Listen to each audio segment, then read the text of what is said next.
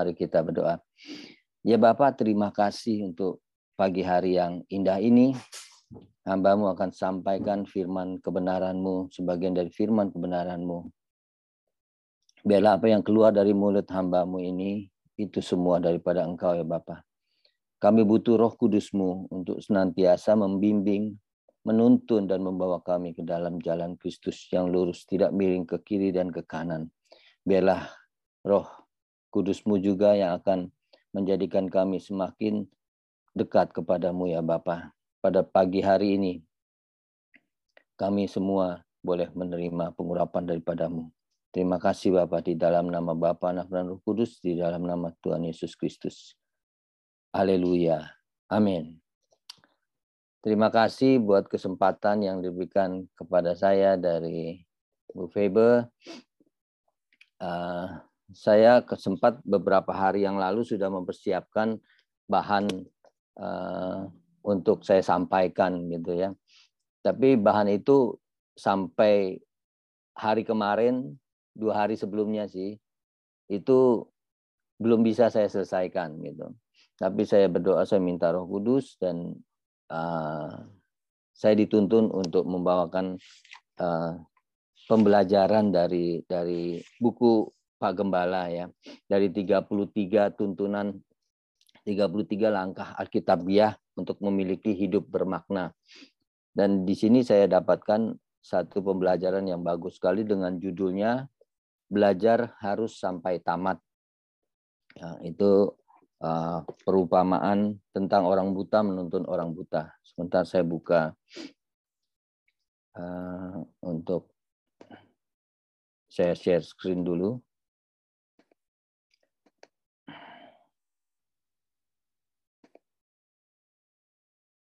Ya, ini. Jadi uh, terambil dari kitab Lukas 6 ayat 39 sampai 42. Di mana kita tahu semua perumpamaan tentang orang buta yang menuntun orang buta. Ayatnya mudah-mudahan ini terbaca ya. Uh, saya bacakan di ayat 39 Lukas 6. Yesus mengatakan pula suatu perumpamaan kepada mereka Dapatkah orang buta menuntun orang buta? Bukankah keduanya akan jatuh ke dalam lubang? Ayat 40, semua murid, seorang murid tidak lebih daripada gurunya, tetapi barang siapa yang telah tamat pelajarannya akan sama dengan gurunya. Mengapakah engkau melihat selumbar di dalam mata saudaramu, sedangkan balok di dalam mata saudara matamu sendiri tidak engkau ketahui. Bagaimanakah engkau dapat berkata kepada saudaramu, saudara, biarlah aku mengeluarkan selumbar yang ada di dalam matamu, padahal balok yang di dalam matamu tidak engkau lihat. Hai orang munafik, keluarkanlah balok, keluarkanlah dahulu balok dari matamu, maka engkau akan melihat dengan jelas untuk mengeluarkan selumbar itu dari mata saudara. Yes. Nah, ini untuk pendahuluannya saya catat bahwa hidup tidak yang tidak maju-maju bahkan menuju kehancuran adalah kehidupan yang tidak mau belajar. Ya. Kenapa gitu kan? Nah di sini saya ada ada catat juga ya kenapa kita harus terus uh, belajar. Ya. Yang pertama adalah agar kita tidak menjadi munafik.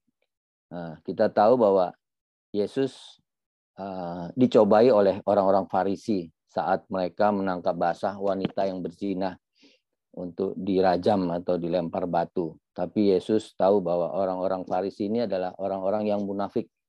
Sehingga Yesus menyuruh orang Farisi untuk melempar batu kepada wanita yang berzina itu terlebih dahulu jika mereka tidak berdosa, gitu kan.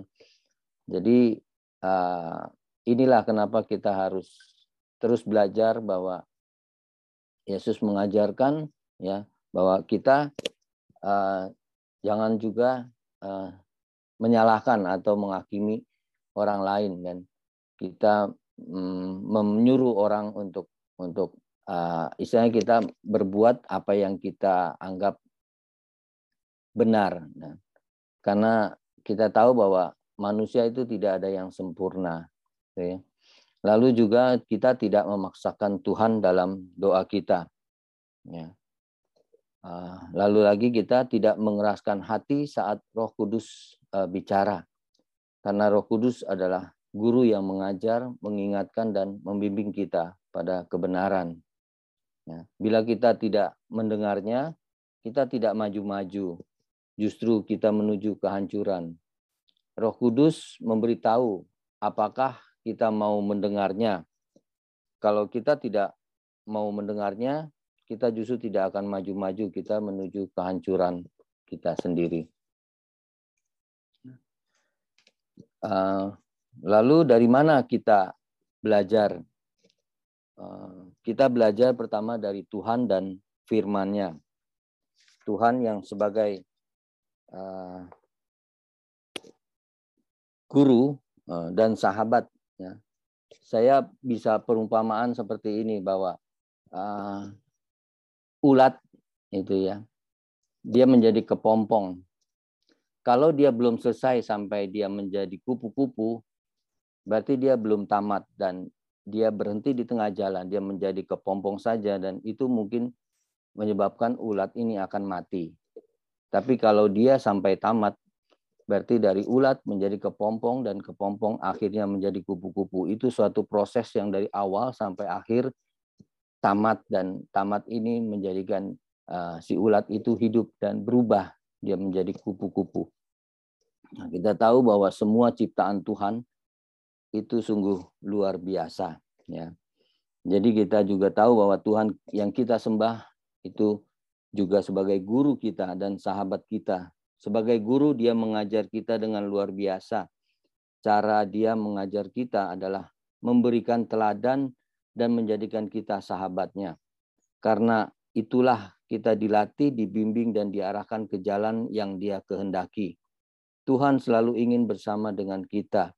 Karena itu kita harus belajar dari Tuhan dan firman-Nya. Alkitab berkata, orang yang merenungkan Taurat Tuhan siang dan malam, ia seperti pohon yang ditanam di tepi aliran sungai yang akan berbuah pada musimnya, yang tidak layu daunnya apa saja yang diperbuatnya berhasil. Nah, itu adalah dari firman-Nya kita juga belajar. Lalu yang kedua, dari orang-orang dewasa dan dari yang kita kagumi. Jadi kita belajar dari orang-orang dewasa, orang-orang rohani, orang-orang yang sudah mengalami eh, banyak pengalaman-pengalaman bersama dengan Tuhan dan yang kita kagumi. Artinya dalam hal rohani, mereka semua bisa diteladani. Karena itulah Paulus berkata, ikutilah teladanku sebagaimana aku meneladani Kristus. Karena itulah kepada Timotius yang muda, Paulus berkata, jangan seorang pun menganggap engkau rendah karena engkau muda, tetapi jadilah teladan. Nah, Tuhan ingin kita belajar dari orang-orang yang dewasa secara rohani. Memang salah satu persoalan kita Persoalan besar kita adalah sering kali orang-orang yang senang berkumpul dengan sejenis. Misalnya, seseorang memiliki kecenderungan gay atau lesbian, tetapi senangnya berkumpul dengan orang-orang yang juga gay dan lesbian. Ini sangat berbahaya sebab ujung-ujungnya pasti akan terseret. Contoh lain orang Kristen yang pecandu rokok berat yang ingin melepaskan diri dari kecanduan merokok. Malah senang berkumpul dengan sesama Kristen yang juga masih senang merokok, lalu pada akhirnya tidak mengalami kelepasan dan kecanduan rokok. Demikian juga orang Kristen yang hobi bermain judi, senangnya berkumpul dengan sesama penjudi, bahkan mengadakan persekutuan doa bersama orang-orang yang juga masih berjudi. Ini merepotkan. Seharusnya kita belajar dari orang-orang yang justru berlawanan dengan kebiasaan buruk kita pada akhirnya kebiasaan buruk kita bisa berubah menjadi kebiasaan yang baik. Kita harus keluar dari kehidupan gelap kita dan belajar dari orang-orang yang bisa dipercaya dan juga cakap untuk mengajar kita tentang kebenaran dan hidup yang berdampak. Lalu yang ketiga dari mana kita belajar? Dari kegagalan-kegagalan serta keadaan yang menyakitkan. Saya teringat dari kegagalan seperti ini saat misalnya waktu kita kecil belajar naik sepeda. Beberapa kali pastinya saat awal-awal pasti akan kita mengalami kegagalan. Istilahnya kita jatuh dari sepeda. Mungkin bukan sekali, bisa dua kali, tiga kali, bahkan lebih. Gitu. Mungkin juga kita mengalami satu uh, sakitan ya, mungkin lecet saat kita jatuh atau mungkin kaki kita terkilir atau apa gitu. Tapi kita tetap tidak patah semangat kita terus belajar dari kegagalan, kejatuhan saat kita belajar naik sepeda tersebut dan membuat kita semakin kuat, semakin kita uh, yakin bahwa di suatu saat kita pasti bisa. Gitu. Jadi kegagalan kegagalan tersebut menjadikan bahan pelajaran untuk kita. Jadi memang sewaktu kita menghadapi kegagalan, pastinya kita bisa juga menangis, bahkan mungkin kecewa dan berontak. Akan tetapi pada saat selanjutnya kita harus bangkit dan kemudian belajar dari kegagalan-kegagalan kita. Alkitab berkata, ingat betapa dalamnya engkau telah jatuh, bangkit, dan bertobatlah. Karena itu dari segala kegagalan-kegagalan kita, bahkan semua hal yang menyakitkan, janganlah kita membenci orang lain, janganlah memendam kepahitan. Karena itu, sewaktu kita beribadah, berdoa, menerima perjamuan kudus. Kalau masih ada kepahitan dan terluka, inilah waktunya untuk kita bereskan. Bagi saudara yang belum bisa menerima kegagalan-kegagalan saudara, hari ini bangkit dan belajar dari kegagalan-kegagalan yang pernah terjadi. Yang keempat, dari mana kita belajar? Dari ibadah dan kedisiplinan kita untuk mengetahui hal-hal yang belum kita ketahui apa itu ibadah? Jawabannya adalah ibadah adalah pelajaran. Belajar dari menyembah Tuhan lebih sungguh-sungguh, belajar untuk berdoa dengan lebih beriman dan berserah, belajar dari setiap firman yang kita terima. Karena itu sering kita diingatkan ya, ketika kita pulang beribadah, jangan membiasakan diri membicarakan orang lain, jangan membicarakan masalah, lebih baik kita bicarakan hal-hal yang membangun dan menjadi berkat. Bagikan kepada orang lain apa yang pelajaran-pelajaran yang kita dapat sewaktu beribadah. Ya, ketika kita menarik pelajaran-pelajaran dalam ibadah, maka kita mengerti kelemahan-kelemahan kita dan kemudian kita belajar untuk berubah menjadi lebih baik dan lebih maju. Nah, bagaimana sikap seseorang yang mampu belajar hingga tamat. Yang pertama itu rendah hati dan konsisten. Ya. Jika kita dasarnya sombong dan setengah-setengah, maka tidak mungkin kita bisa belajar sampai selesai. Engkau boleh berkata cinta Tuhan atau Tuhan segala-galanya bagimu. Tetapi kalau engkau sombong, maka setiap kali ada pelajaran, engkau berontak tidak bisa konsisten atau angin-anginan. Mestinya engkau meyakini bahwa apakah Tuhan hadir atau apakah Tuhan meninggalkan engkau. Tetap saja engkau melakukan apa yang Tuhan perintahkan bagimu. Misalnya sewaktu kita kecil, ketika ibu melihat kita belajar, tentu kita serius belajar.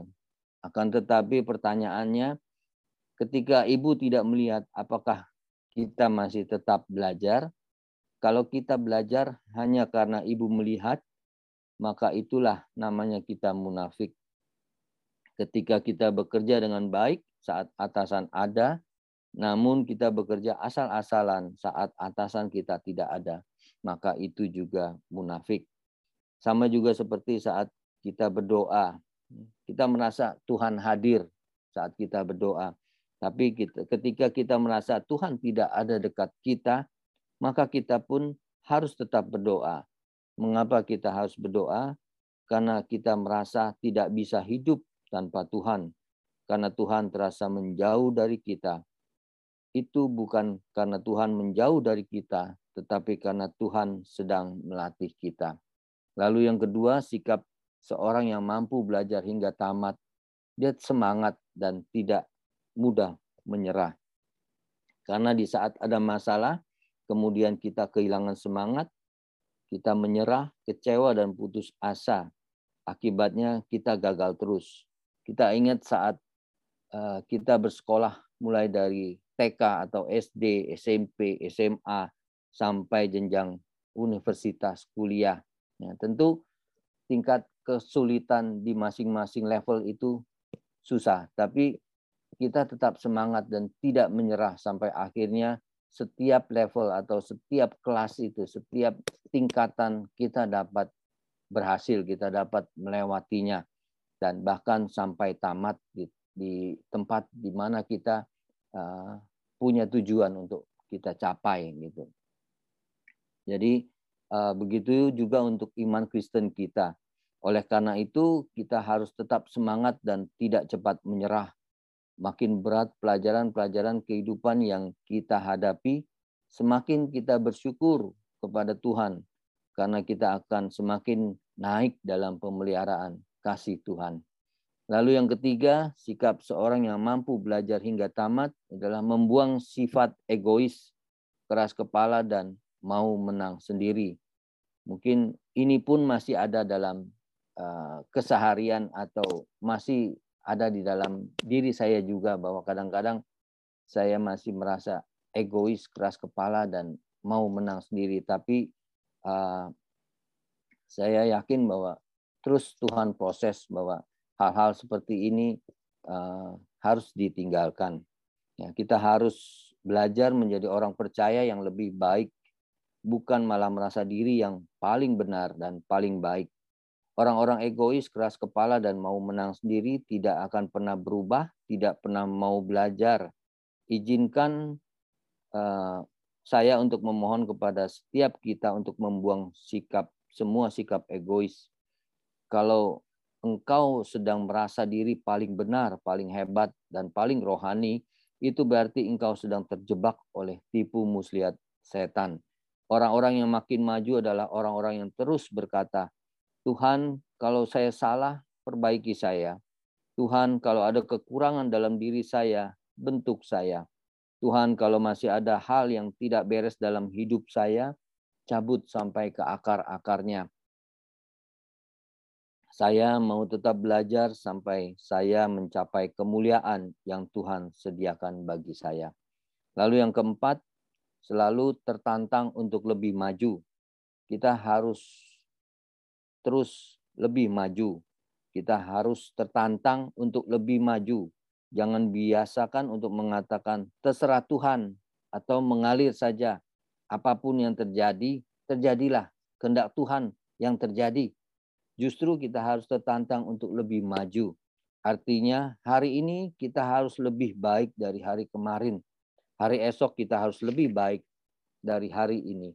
Setiap hari kita harus lebih rohani, setiap hari kita harus lebih menjadi berkat setiap hari kita harus meninggalkan dosa.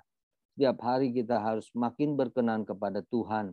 Makin hari semakin menjadi suami yang lebih baik, istri yang lebih baik, anak-anak yang lebih baik, dan orang tua yang lebih baik. Jangan menjadi orang yang menyusahkan orang lain. Hidup ini harus belajar mengerti orang lain. Apa pun yang penting, kita menjadi berkat. Di situ kemuliaan dan berkat Tuhan tercurah. Nah, ini kesimpulan akhir yang saya uh, pelajari yang kita sama-sama mau pelajari hal-hal yang yang perlu kita pelajari ya. Itu yang Tuhan mau dalam hidup kita. Apa yang kita mau Tuhan tahu. Namun yang menjadi pertanyaannya adalah apa yang Tuhan mau apakah kita tahu? Ketika di Taman Getsemani Yesus berkata, biar bukan kehendakku yang jadi, tapi kehendakmu lah yang terjadi. Ini adalah pelajaran yang sangat luar biasa dari Yesus. Berarti setiap pagi kita dapat berkata, Tuhan ajar aku untuk mengerti apa yang Tuhan kehendaki. Ketika ada masalah dalam rumah tangga, dalam hal apa pun, mari masing-masing mulai berpikir dan merenungkan apa yang Tuhan kehendaki di balik masalah ketika kita mau mengerti apa yang Tuhan kehendaki. Saya percaya banyak berkat istimewa akan terjadi. Ketika kita menghadapi hal-hal yang menyakitkan, pelajari apa yang Tuhan kehendaki dalam keadaan seperti itu. Waktu kita mengerti apa yang Tuhan kehendaki, maka di situlah akan dinyatakan kemuliaan dan kuasa Tuhan bagi kita. Lalu yang kedua, apa yang perlu kita pelajari adalah yang membangun dan menjadi berkat bagi kita. Alkitab jelas berkata dalam 1 Korintus 10 ayat 23, saya bacakan, segala sesuatu diperbolehkan. Benar, tetapi bukan segala sesuatu berguna. Segala sesuatu diperbolehkan. Benar, tetapi bukan segala sesuatu membangun. Karena itu apa yang berguna, apa yang membangun, apa yang menjadi berkat, itulah yang perlu kita pelajari. Bukan hanya untuk bukan hanya apa yang menyenangkan, apa yang menguntungkan, dan yang bisa kita lakukan. Kita harus ingat bahwa ada banyak hal-hal yang kita sukai, yang biasa kita lakukan, dan yang menguntungkan kita. Kadangkala itulah yang harus kita salibkan, supaya hanya apa yang berguna, apa yang membangun, apa yang menjadi berkat, hanya itulah yang menjadi bagian dalam hidup kita. Lalu yang ketiga, hal yang perlu kita pelajari yang kita belum mampu, belum bisa dan belum kita ketahui. Kemajuan itu artinya dari yang tidak bisa menjadi bisa, dari yang tidak tahu menjadi tahu, dari yang tadinya saya belum mampu menjadi mampu. Itulah yang perlu kita pelajari dalam hidup ini. Misalnya kita belum bisa untuk mengampuni, maka jangan katakan, saya orangnya memang begini, mau diapakan lagi. Tidak boleh biasakan untuk berkata, Tuhan, saya orangnya susah untuk sabar. Emosi suka meledak-meledak. Tetapi sekarang saya mau belajar, saya mau lebih maju, sehingga dapat menjadi orang percaya yang sanggup untuk mengampuni dan sabar dalam menghadapi apa pun. Kita harus belajar sampai tamat hal-hal yang kita belum mampu, hal-hal yang kita belum bisa, dan yang belum kita ketahui kita minta Roh Kudus menuntun kita dan mengajar kita supaya hari kita semakin dewasa, semakin hari semakin setia, semakin hari hidup kita semakin menjadi serupa dengan Kristus. Lalu yang terakhir, hal-hal yang kita pelajari, yang dari pertama tadi yang Tuhan mau dalam hidup kita, yang kedua yang mau membangun dan menjadi berkat bagi kita, yang ketiga yang kita belum mampu, belum bisa dan belum ketahui. Lalu yang keempat yang dapat berbahaya dan menghancurkan kita. Alkitab berkata, perhatikan jalan raya baik-baik. Pasang rambu-rambu yang dapat berbahaya dan yang dapat menghancurkan kita itu harus kita pelajari. Jangan sampai kita tertipu, tidak sadar dan menganggap hal itu biasa. Ingat, iblis itu licik ketika kita membuka celah sedikit saja, maka kita akan hancur. Kita harus belajar terus sehingga kita dapat hidup di jalan Tuhan. Kita mengerti korban yang sempurna di kayu salib mengangkat kita menjadi warga kerajaan sorga. Yang lama sudah berlalu dan yang baru sudah terbit. Sebagai penutup, saya akan bacakan untuk uh, menjadi renungan kita Orang buta menuntun orang buta pasti membawa mereka masuk ke lubang. Tetapi jika Kristus sebagai guru kita dan kita mau belajar sampai tamat, maka kita akan menjadi serupa dengan guru kita. Jangan hanya melihat selumbar di mata orang, tetapi balok di mata sendiri tidak kita lihat. Inilah saatnya kita harus berubah menjadi orang percaya yang lebih maju dan berkenan kepada Tuhan kita harus terus belajar untuk bisa menang atas setiap masalah yang kita hadapi, serta hidup kita menjadi serupa dengan Kristus dan mengalami kuasa Tuhan yang sempurna. Haleluya. Terima kasih. Mari kita berdoa menutup. Terima kasih ya Tuhan. Firman kebenaran-Mu dan bahan pelajaran yang sudah hamba sampaikan, biarlah itu Eh, boleh menyukakan hatimu ya Bapa. Biarlah menjadikan kami semakin kuat, iman kami semakin teguh, dan kami terus mau belajar hingga tamat, hingga kami menutup akhir hidup kami ya Bapak. Kami akan terus belajar, khususnya belajar dari Engkau sendiri dan juga dari firman-Mu ya Bapak. Biarlah firman-Mu senantiasa menjadikan juga kami kuat, kami siap untuk berubah atas sifat-sifat, atas semua yang kami lakukan yang tidak berkenan kepadamu ya Bapak. Jadikan kami setiap yang mendengarkan pagi hari ini renungan dan yang daripadamu ya Bapak, biarlah kami senantiasa menjadikan uh, ini semua bahan pelajaran buat kami untuk menjadikan hidup kami semakin bermakna, semakin mendekatkan diri kami kepada Engkau ya Bapak. Terima kasih Bapa di dalam nama Bapa, Anak dan Roh Kudus di dalam nama Tuhan Yesus Kristus. Haleluya.